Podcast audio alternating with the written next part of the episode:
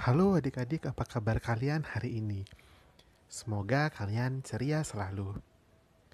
Setelah tiga hari berturut-turut Kak Cakra memberikan te- cerita tentang binatang, hari ini Kak Cakra akan bercerita tentang sebuah legenda.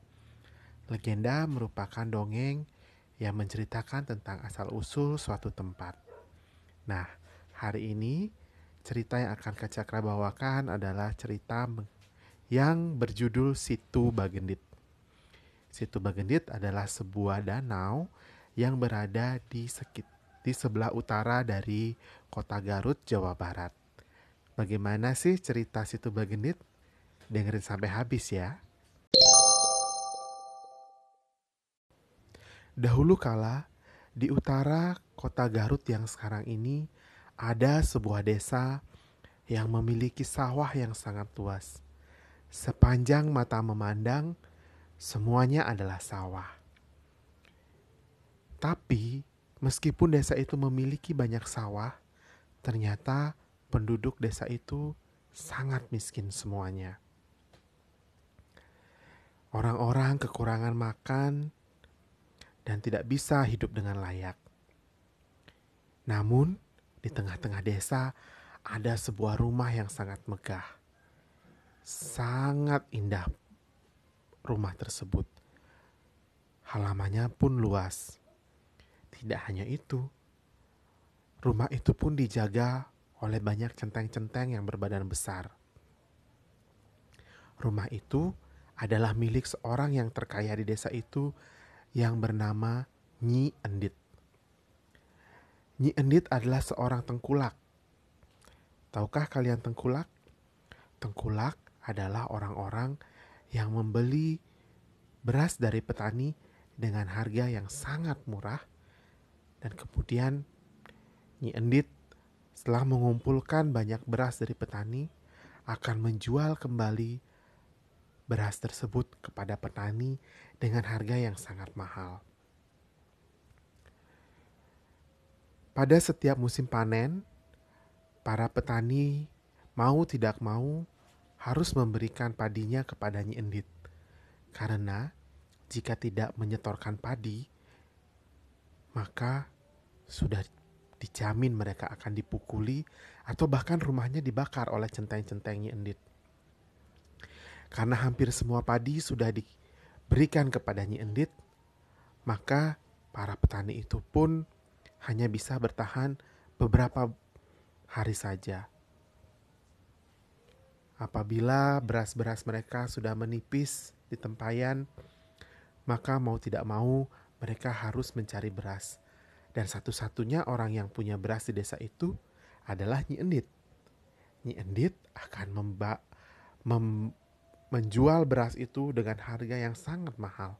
Bahkan bisa berkali-kali lipat dari harga yang dia beli dari petani. Karena itulah orang-orang desa menjadi semakin miskin sedangkan Nyi Endit jadi semakin kaya. Apabila orang desa tidak bisa membayar padinya, maka Nyi Endit akan mengambil padi pada panen berikutnya tanpa bayaran. Kejam ya. Hingga pada suatu hari, di pagi yang sangat cerah, di pinggir desa terlihatlah seorang kakek tua yang berjalan tergopoh-gopoh dengan sebuah tongkat.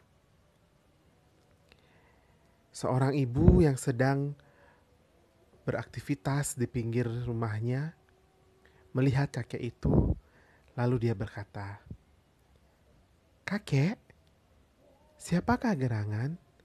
Saya tumben melihat kakek di sini." Kakek pun menjawab, "Ya, anakku, aku memang baru sekali ini ke sini. Nah, kalau kau memang berbaik hati kepadaku, tolonglah aku.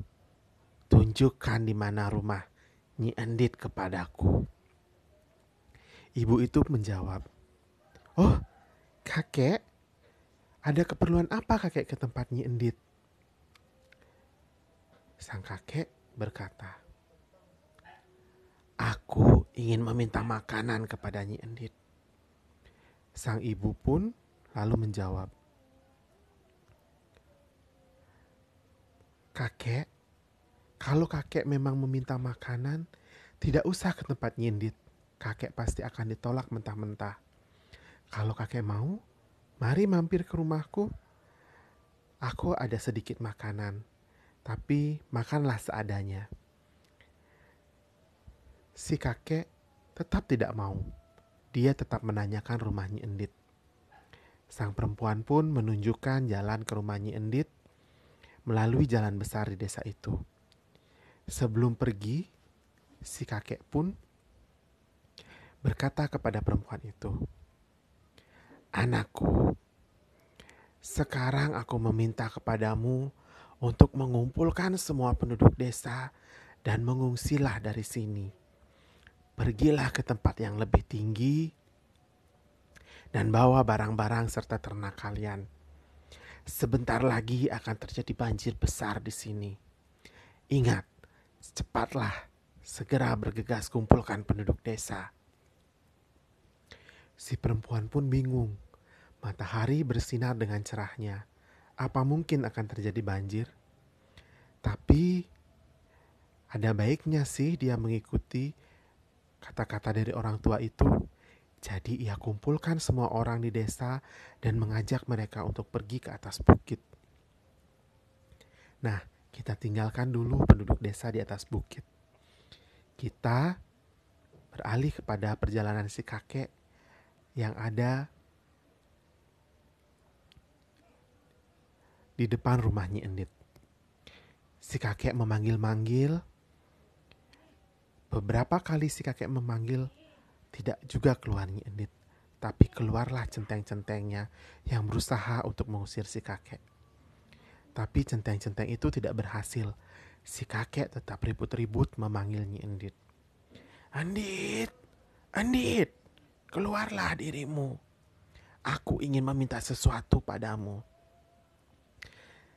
Karena mendengar ribut-ribut yang tak berkesudahan, Nyi Endit pun keluar dari ruangannya. Kemudian dia dia menemui si kakek dengan berkacak pinggang dan bicara dengan sangat ketus. Eh, orang tua, mau apa kamu ke sini?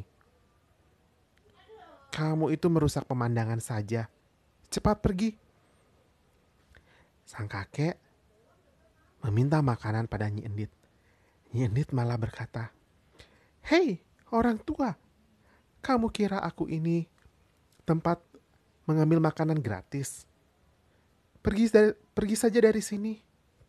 Kalau kamu tidak pergi, aku akan mem- menyuruh centeng-centengku untuk memukul dan meremukkan tulang-tulangmu yang sudah tua itu.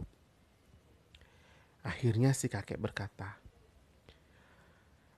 Andit, baiklah.